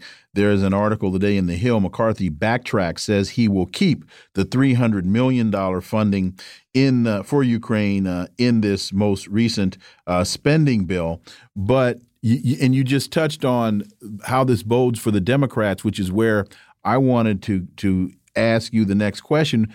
This won't bode well for Biden and it won't bode well for the Democrats because the Democrats have been backing his play the entire way. And the stereotype is that the Republicans are the hawks and the Democrats are the doves. But what we have seen over the last few years is that stereotype has long long been thrown into the, the dustbin or heap bin of history, if it was in fact ever true. Dr. Oualaalou. Well, the idea, Wilmert, is that the 300 uh, that because he already McCarthy was able enough to sneak that in into the defense bill. Mm -hmm. That is what was not reported openly. So uh, he's not backtracking. He's backtracking because he was able to sneak that in into the defense bill. I mean, you already Uh, uh, uh, hearing now statements coming out of, for example, the uh, Secretary of Defense that because we're going to be sending Abrams tanks and and the arguments that well we will continue to support Ukraine and so forth, but we hope that the tanks will not be uh, sort of destroyed, which you and I know Russians are not going to hesitate. They will destroy those tanks once they made it to the field over there. So even McCarthy is playing it both sides because he is concerned about his political career, because there are more voices inside from the Republican side that maybe it's time to push him out and put, uh, what's his name, Gates as the next speaker. It's not going to happen. But once you start having those kind of uh, uh, rumors, if I may use the term, inside the halls of Congress, things tends to emerge to the reality in the forefront. There's a new Washington Post ABC News poll that has Donald Trump leading President Biden 52 42. Now, if you look at a lot of the polls, they have Donald Trump ahead by two points, four points, et cetera. But we see this, you know, a lot of times you start to see these outlier polls. And I would argue that as support for Ukraine goes down, Donald Trump's number is going to go up. And as as Wilmer and I have discussed many times, the big, the big one of the big problems the Democrats have, and if you talk, I have a lot of friends that are Democrats, you realize there are a lot of disenchanted, disillusioned Democrats who are just going to stay home. Your thoughts on the latest poll? And again, the the uh, the more the less popular Ukraine gets, the more Donald Trump's going to push against that as a hot button. Your thoughts? Yeah, Garland, but at the same time, we shouldn't forget that Democrats is not going to let that happen. This is why you're seeing this kind of legal entanglements for, for Trump to be entangled in, because the fear of that, if he is not stopped that way, most likely he will he will have the nomination of the Republican, and most likely a lot of people will vote for him. So this is the reason why we're seeing this uh, legal entanglement. But hypothetically, if there was no legal entanglement and so forth, yeah, uh, most likely Donald Trump will uh, win the, the, the upcoming elections again because there's such a push against the Democrats that pushed it too far too far. How much money can we uh, give the Ukrainians? Let alone we don't even have the money. We have to borrow from China to turn around and give it to Ukraine. While the American taxpayers is paying the price for that, that's not right. That's not fair, and it's not just. And this is why Americans are fed up literally with the current administration and they're fed up with this Ukraine uh, saga altogether because we created it and now we dug ourselves into the, this mess and I I don't know how we're going to get out of it sooner than later. You mentioned legal entanglements. Joe Biden finds himself uh, getting increasingly intertwined in his son's legal problems, and they are now starting to spill over into legal problems of his own and the whole laptop story that the FBI was able to sit on in the last election, they don't seem to be as capable of sitting on it now. So we could very well find ourselves. We know where where where former President Trump is legally right now. We could find Joe Biden in legal troubles of his own. Your thoughts, Dr. Oualaalou? Well, that, that's true, Wilmer with the assumption that the Justice Department does the right thing. What am I referring to here? I'm referring to the decision that was three weeks ago, three or four weeks ago, by a federal court, by which it disclosed that the Biden administration and the FBI have violated the, violated the First Amendment So, yes, it was related to another issue, but it still gives you an idea. So, for President Biden, if he was found guilty of involvement in either bribe, whatever, the, the, the, law has to apply to him as well. He's no, he's not above the law, and he's no better than any other citizen. But we all know how the justice system is or has been now in our country. And It's kind of so. Where is the fairness? Where is the justice here? So this is why that entanglement, the legal one, it's going to be catching up to the Biden administration. And by the time we start to seeing uh, the the presidential campaign at a full swing, those issues going to come, come to the fore, and most Americans will have to really realize or decide, okay, is this what we want to vote on? The um, uh, initial story we're talking about, one of the things they bring up is RFK Jr. And RFK Jr. recently has said that the Democrats are rigging it and that if they're rigging it, he may consider other options. If RFK Jr. were to run as an independent or something like that, he would pull so much numbers from the Democrat, it, they would have no possibility of winning. It would just tear the party apart. Your thoughts on uh, the, the RFK Jr. and now this discussion that the party's so crooked, some of the people that are running might have to leave leave. Well, and, and really quickly to that, if RFK Jr. were to go to a third party, what third party would he go to with Dr. West uh, apparently party. in the forefront of the Green Party nomination? Where would Kennedy go where there would be an infrastructure in place that would enable him to pursue a campaign? Yeah, it will be a challenge. It will be a challenge for RFK. But at the same time, there are many already ask, not asking, but rather questioning as to where Dr. West is going to be into all this because at some point some have argued that well is uh, the, uh, Cornel West pushing in the opposite direction in other words in support of the Democrats against the, the uh, President Trump so there is both sides of the argument to this. Now, where RFK is going to be, I, I can't answer that because I don't know. Yeah, which third party is going to be pulling into, which will be very interesting dynamics. And frankly, it might be about time for us to see, for us to see on our political landscape the emergence of a, a third option. You know, how come we only have an options between two? In a democracy, we're supposed to have choices. So let the third party evolve and emerge and let people voice their concern and we go from there.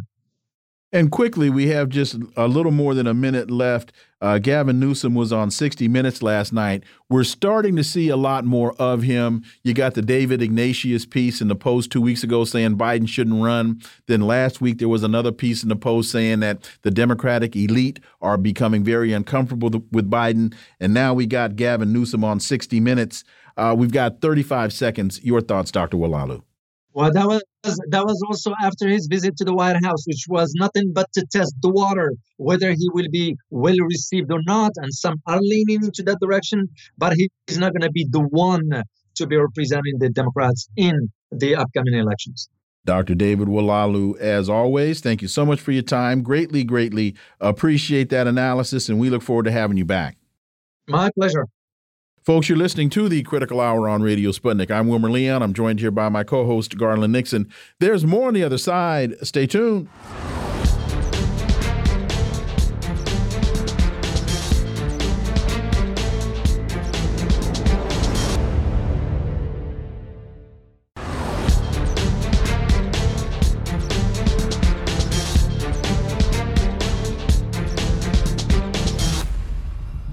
We are back, and you're listening to the Critical Hour on Radio Sputnik. I'm Wilmer Leon, joined here by my co host, Garland Nixon. Thank you, Wilmer. Sputnik International reports Macron recalling ambassador to Niger, French embassy staff, and troops. France is recalling French ambassador to Niger, Sylvain Itté all staff to the embassy and all French troops in the West African country President Macron said this yesterday. For insight into this, let's turn to our next guest. Uh, uh, he's a, a historian and educator with 40 years of background in Africa, living and reporting from uh, Eritrea from 2006 to 2021. At one time, he was the most widely distributed independent journalist in Africa. Thomas C. Mountain, as always, welcome back. Good to be back. So the quote is France has decided to bring back its ambassador, and in the coming hours, our ambassador and several diplomats will return to France. Macron said this on French television, and we will put an end to our military cooperation with the Niger authorities. What does all of this really mean at the end of the day? Should Nigerians be celebrating Thomas Mountain? Yeah, I mean, you know, the the fact is that for the last several weeks, the Niger people, thousands of them, have encircled the the uh, French military base in Niamey, the capital, and demanding that the French leave, and that uh, you know the ambassador has been basically a prisoner in his embassy, eating military rations. So it wasn't going to be. It's just a matter of time. I mean, that uh, you know Macron he did take it well. I mean, he's he said that he spoke to the deposed president to inform him that, uh, uh, oh, we're leaving. I just wanted to let you know because Niger doesn't want to fight terrorism anymore. And, you know, the deposed president is you know, basically under lock and key. So, you know, it was kind of a joke, but, you know, it was inevitable they'd have to leave and that uh, Macron going to have to eat some crow and try to, but he, he didn't do it gracefully. He just had to go out in a bad temper. But that's what's happening, you know? You know, it, it, it and it, it seems to me that um, initially the um, inclination of the colonialists were to use the, you know, to use the the iron glove and to come in and use um, military action. But it, tell us why, uh, you know, how it came about, or why you, the reason you think it is that the the uh, French were not able to, you know, muster together their uh, puppets in ECOWAS and and and to, um, you know, effect that military military intervention that they seem to desperately have wanted? Well, ECOWAS is, you know, it's basically all bluster and bluff. I mean, ECOWAS maybe can invade a little country like, uh, you know, with a couple of the, maybe half a million people, but uh, they're not going to go into a country with 20, 30 million people that's got a fit army. I mean, the main backbone of ECOWAS is Nigeria, and Nigeria is fighting an insurgency in their north, which is going very badly for them. It has been for quite a while. The entire, it seems like everybody in the Nigerian parliament oppose this because, you know, who's going to pay for it? How they, who's going to fight it? You know, Senegal has got its own internal problems. You know, demonstrations and people getting arrested and uh, who, you know, ECOWAS is a, a paper tiger these days. They're not. I mean, really, they, they can go into Gambia with half a million people, but they, they can't go into Niger. And, and that was sort of pretty obvious from the beginning. But, uh, you know, it's like uh, the day for the Western Empire is coming to a close, and it's getting pretty obvious that, uh, you know, the, the people of, especially with the French Empire, is, is are fed up with them so there's a vacuum now, and we know what what is the line? History deplores a vacuum, and when the French were run out of Haiti, the United States stepped in. When the French were the U.S. proxies in Vietnam and got run out of Haiti, got out of run out of Vietnam, the United States stepped in. The United States has a base in Niger. So, will the vacuum created uh, by the French leaving uh, Niger, will that be filled by the United States? Because we also know that the hegemon doesn't go quietly into that long night. Well, the U.S. would like to fill the vacuum. Whether they're able to or not is another story because uh, the incompetency of the U.S. State Department is pretty dramatic. I mean, but uh, yeah, the U.S. has a military base in, in, uh, in Niger. I think they're supposedly relocating it about 80 kilometers to the north so it's kind of away from the hot spot where they could get in trouble with the with uh, people, you know, population not liking another foreign superpower there. So, uh, but you know, that's the very critical base for the U.S. because it's the center of their intelligence gathering through drones for northern and central Africa, even up into the Mediterranean. So, their uh, United States is is concerned, but they you know they'll step in if they if they see the chance. I mean, uh, they definitely like to replace the French because the Sahel is the last major land area that is unex- basically unexplored for minerals and, and energy. I mean, I think the best estimate I've got, nobody knows for sure, is about 95% of the Sahel is unexplored. So the Americans, you know, they'd like to get in there. the French would like to hang on, but uh, who's going to come out on top of this? We don't really know yet. But one thing for sure is French are taking a beating. People's Dispatch. Speaking of that, People's Dispatch reports under French-backed military rule, uh, under French-backed military ruler Mohamed Deby, Chad is a pressure cooker waiting to explode while threatening war against Niger, ostensibly to restore democracy. France continues to back the military junta of Mohamed Deby, which is accused of killing at least 128 pro-democracy protesters last year. Your thoughts on Chad? Uh, Chad, you know, uh, Chad I don't think it's as shaky as some people would say. I mean, there, it's not stable, but it's not on the verge of collapse. I mean, the the the, the coalition of Sudanese neighbors, countries that are trying to bring some peace to Sudan, have asked Chad to play a role in hosting all of this. So, you know, in their opinion, at least, they don't see the Chadian government collapsing anytime soon.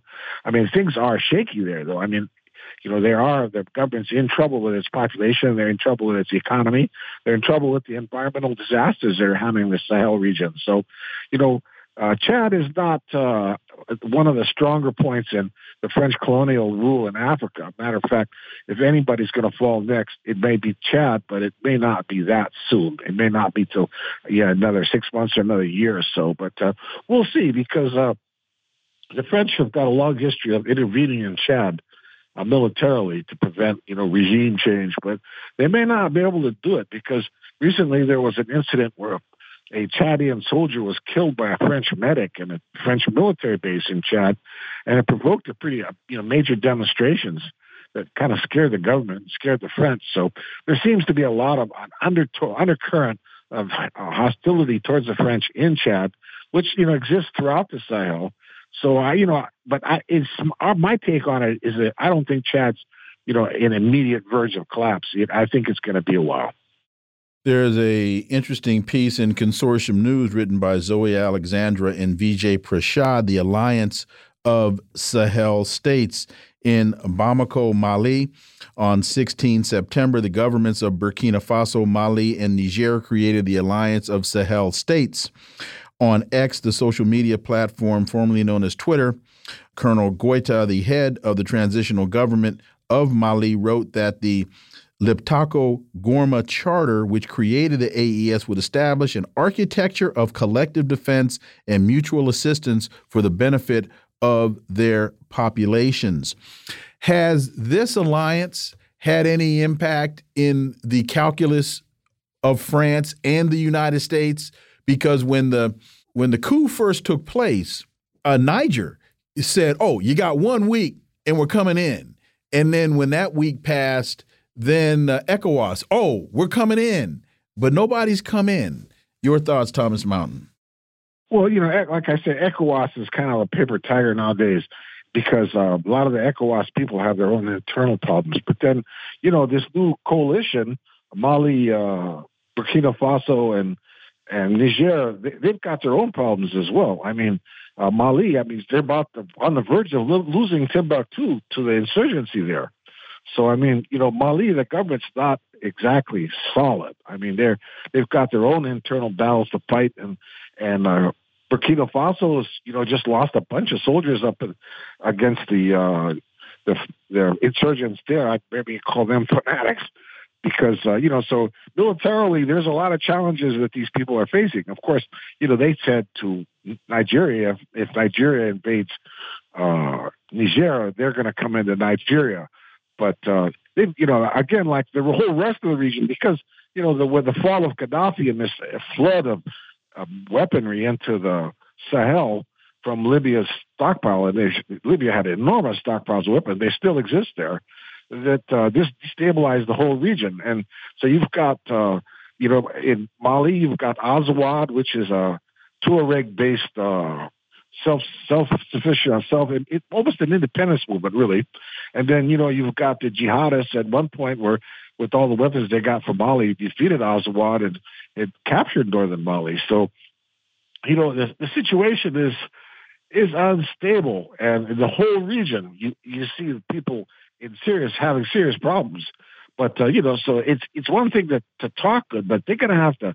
There's some major fighting going on in these uh, countries that are, you know, trying to break away from French control. So, and you know, it's going to very likely be that the French are backing the jihadists indirectly or in a deniability way because uh, you know they want to to destabilize the governments that that kick them out. So, you know, the history of the French and the jihadists are are pretty. It's pretty close ties. I mean, when when the jihadists first took over Mali and the, they were invited into uh, French were invited into Mali by the Malian government. They uh, drove the jihadists all the way back to a town, small town called Konna, where they were trapped. There was only one road out. We all thought that was going to be the end of them. The French allowed them to just drive away with all their weapons. So in other words, the French wanted them there. So, you know, it, it's interesting how ISIS or these jihadists never attacked the French bases. They never attacked the U.S. bases. And, you know, they never attacked the Israelis. They only attacked the, the local governments. So, uh, you know, that there could very well be a Western hand behind these guys that are, you know, trying to destabilize the region. But I think the main problem was that the flood of weapons that came out of Libya after the fall of Gaddafi, you know, Western invasion of destruction of Libya. And so the whole region is destabilized as a result. You know, Thomas, it could very well come about that as the French leave, the uh, the, the, locals notice that the uh, the jihadis start to disappear too because uh, there's nobody paying them, supplying them with weapons. Well, and to that point about they're not attacking the French and the and the Americans because he who pays the piper calls the tune. We got thirty. We got a minute, Thomas Mountain.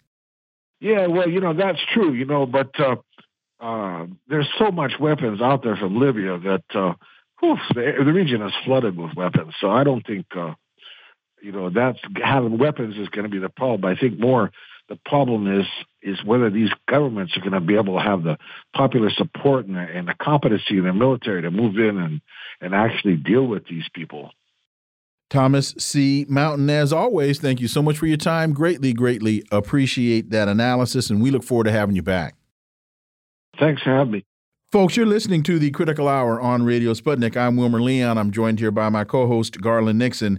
There's more on the other side. Stay tuned.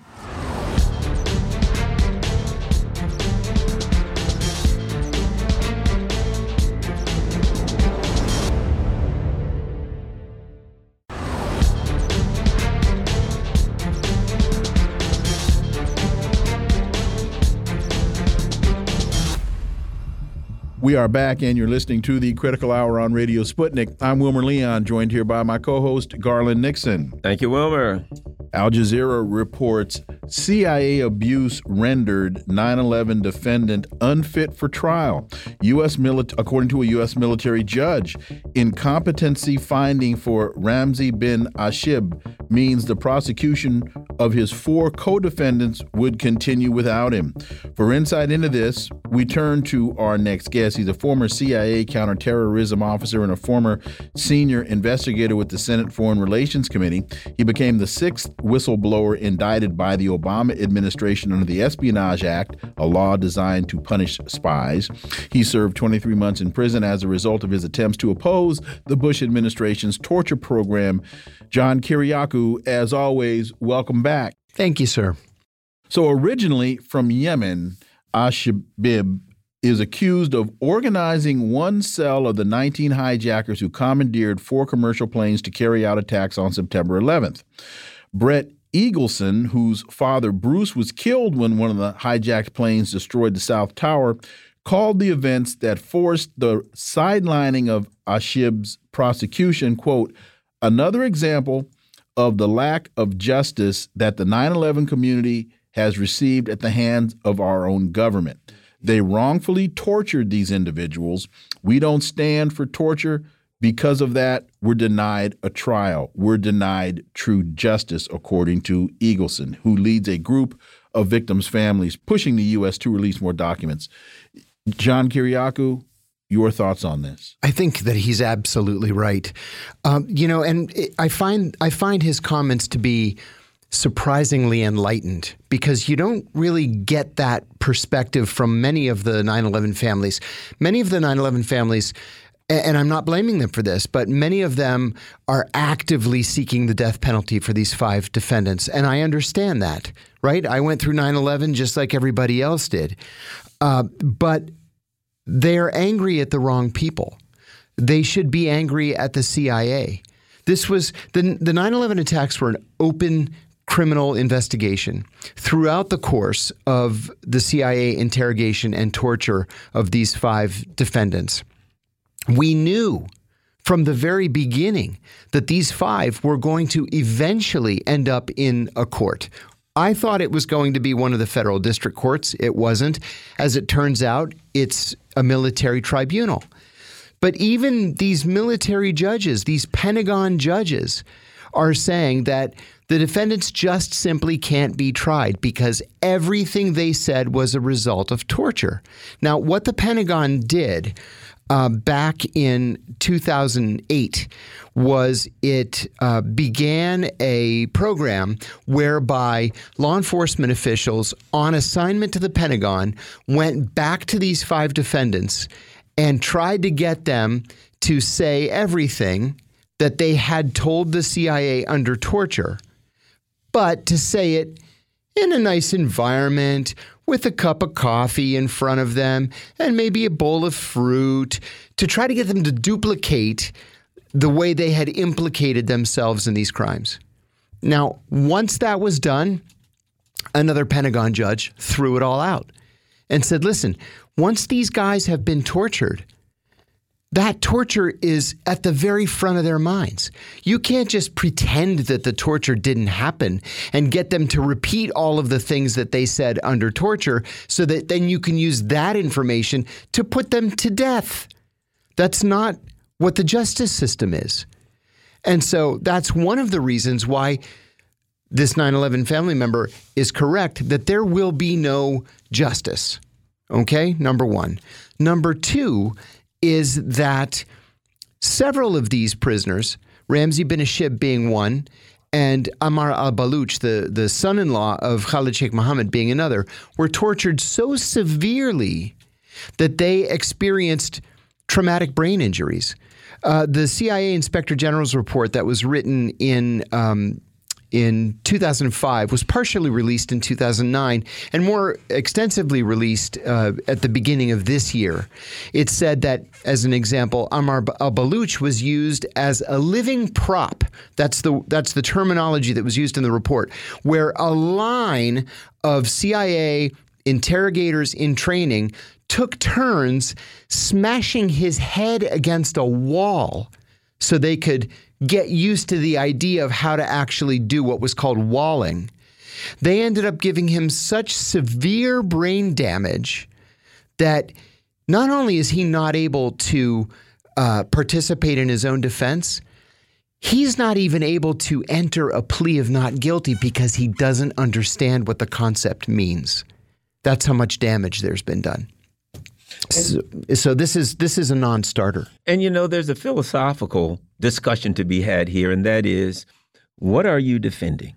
You know, when this idea of we've got to protect ourselves from the terrorists, we're defending democracy, mm -hmm. we're mm-hmm. defending they hate freedom. us because we're of our freedoms. Yeah, blah, blah, blah, yeah. blah, blah. And they look at you and you're torturing people. You're doing things that you accuse ISIS of. Uh, you accuse all the worst people in the world. And the world, you know, you may get away with the propaganda here, but the world, as we're seeing now in the global south, et cetera, are looking at you and saying the hypocrisy is glaring. What are you claiming to be defending? Yeah. Well, in, in fact, to that point, I, I remember, I can't remember the name of the piece, but I wrote a piece a long time ago when this started coming out saying when we have to violate our own constitution under the pretense of protecting our constitution, the so called terrorists have won. We have actually become them. You're exactly right. I, I wrote a piece about this uh, for the Scheer Post that's going to be published this afternoon. And I said that in, in the midst of of these uh, counterterrorism raids that we were conducting in Pakistan in the in the early spring of 2002, we we were capturing so many Al Qaeda fighters, we didn't know what to do with them.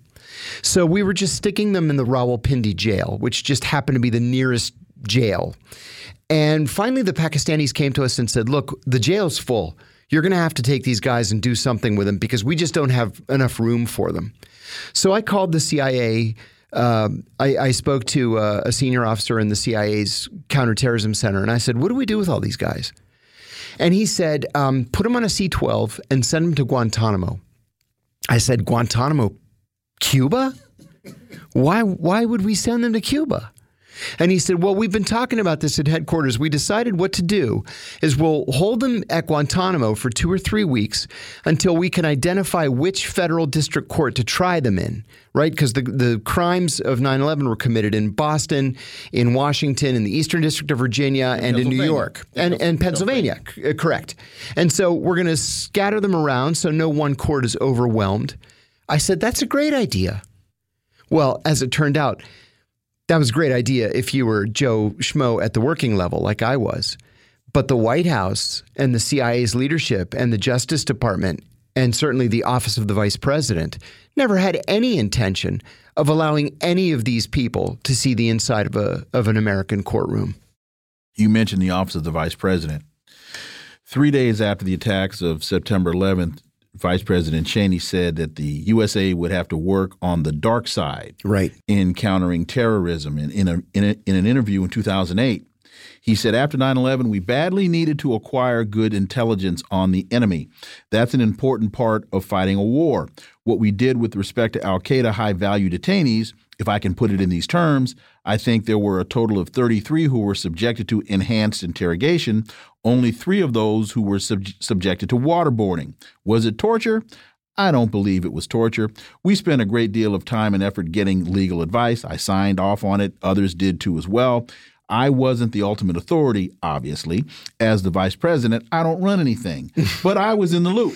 I thought it was absolutely the right thing to do. I thought the legal opinions that were entered were sound. I think the techniques were responsible in terms of what they were asking to be able to do, and I think it produced the desired result. It's absolutely, absolutely directly responsible for the fact we've been able to avoid or defeat further attacks for seven and a half years. Literally everything in that statement is a lie. Literally all of it. First of all, torture doesn't work. That's mm -hmm. been proven time and time again.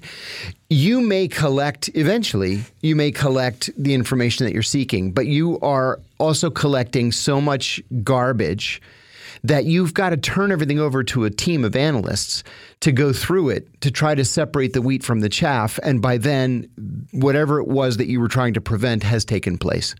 Okay?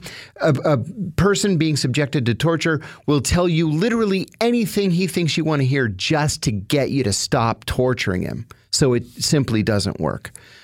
Number two, and forgive me if I sound like a broken record on this, but we've got a law in this country called the Federal Torture Act of 1946, and it specifically bans exactly those techniques that we used in the so called war on terror against Al Qaeda. In 1946, we executed Japanese soldiers who had waterboarded American POWs. We executed them. It was a death penalty offense to waterboard somebody. Well, the law never changed. In, in January of 1968, uh, the Washington Post ran a front page photograph of an American soldier waterboarding a North Vietnamese prisoner. That soldier was investigated, he was arrested, he was charged with torture, convicted, and sentenced to 20 years of imprisonment at Fort Leavenworth. Again, the law never changed. Didn't we learn the tactic of waterboarding from the Japanese? We did. Yes, we did. And so if it's if it was illegal in 1946 and a death penalty offense, if it was illegal in 1968 and worthy of 20 years at hard labor in, in a federal uh, military prison, how is it somehow magically suddenly legal in 2002? Because they use a different kind of water. Mm -hmm. They use soft water. That was about it. Spring water. Six members of the Australian Parliament um, lobbied for Assange's Julian Assange's release ahead of Australian Prime Minister Anthony E. Albanese's state visit to the White House at the end of October. Mm -hmm. Your mm-hmm. thoughts on that, John? Yeah, this is a significant development. You know, one of the things that that the the American media sometimes forgets to point out is these um, six are just a sampling of the 60 that have signed uh, a letter to President Biden asking him to drop the case against Julian Assange and to release Julian. In addition, the six represent every political party in Australia. Again, very significant development. There's national unity in Australia on the issue of releasing Julian Assange. And I'll add one other thing. Um, David Hicks. I don't know if you have heard of David Hicks or if you remember David Hicks, but he was a, an Australian, a young Australian man who, at the age of 18, uh, converted to Islam and became something of a fundamentalist uh, Muslim. He moved from Australia to Afghanistan to join Al Qaeda, and he ended up being uh, a guard. They gave him a, an AK 47. He stood guard at one of the uh, Al Qaeda training camps. He happened to be in Pakistan on 9 11, and when he heard the news, he rushed back to Afghanistan to make jihad against the Americans. That never happened. He was quickly captured um, and he was sent to Guantanamo. Well, he was tortured at Guantanamo. And the Australians came to us and said, Whoa, whoa, wait a minute. This guy's an Australian citizen. You can't torture an Australian citizen, and you certainly can't hold him without trial like this. We want you to turn him over to us. And what did we do? We negotiated a deal whereby he took a plea to a charge. He was found guilty and, and sentenced to time served and released to Australia. Now he's serving as an advisor to Julian Assange's family to explain to them the different ways that his attorneys worked with and against the U.S. government to bring his case to an end. Well, Julian Assange is a publisher and a journalist. He's not a terrorist who took up arms against the United States. How is it that the situation has changed so dramatically in the last 20 years that we're willing to release someone who we accused of having committed terrorism against the United States, but a publisher we won't? Because you said that Hicks took up arms. Obviously, the pen is mightier than the sword. Ah, that is it right there. John Kiriakou, as always, thank you so much for your time. Greatly, greatly appreciate that analysis. We look forward thank to having you. you back. Thanks for having me. Folks, you've been listening to the Critical Hour here on Radio Sputnik. Thank you for allowing our voices into your space on behalf of myself and my co host, Garland Nixon. We hope you were informed and enlightened, and we look forward to talking with you all right here tomorrow on Radio Sputnik. Be safe. Peace and blessings. We're out.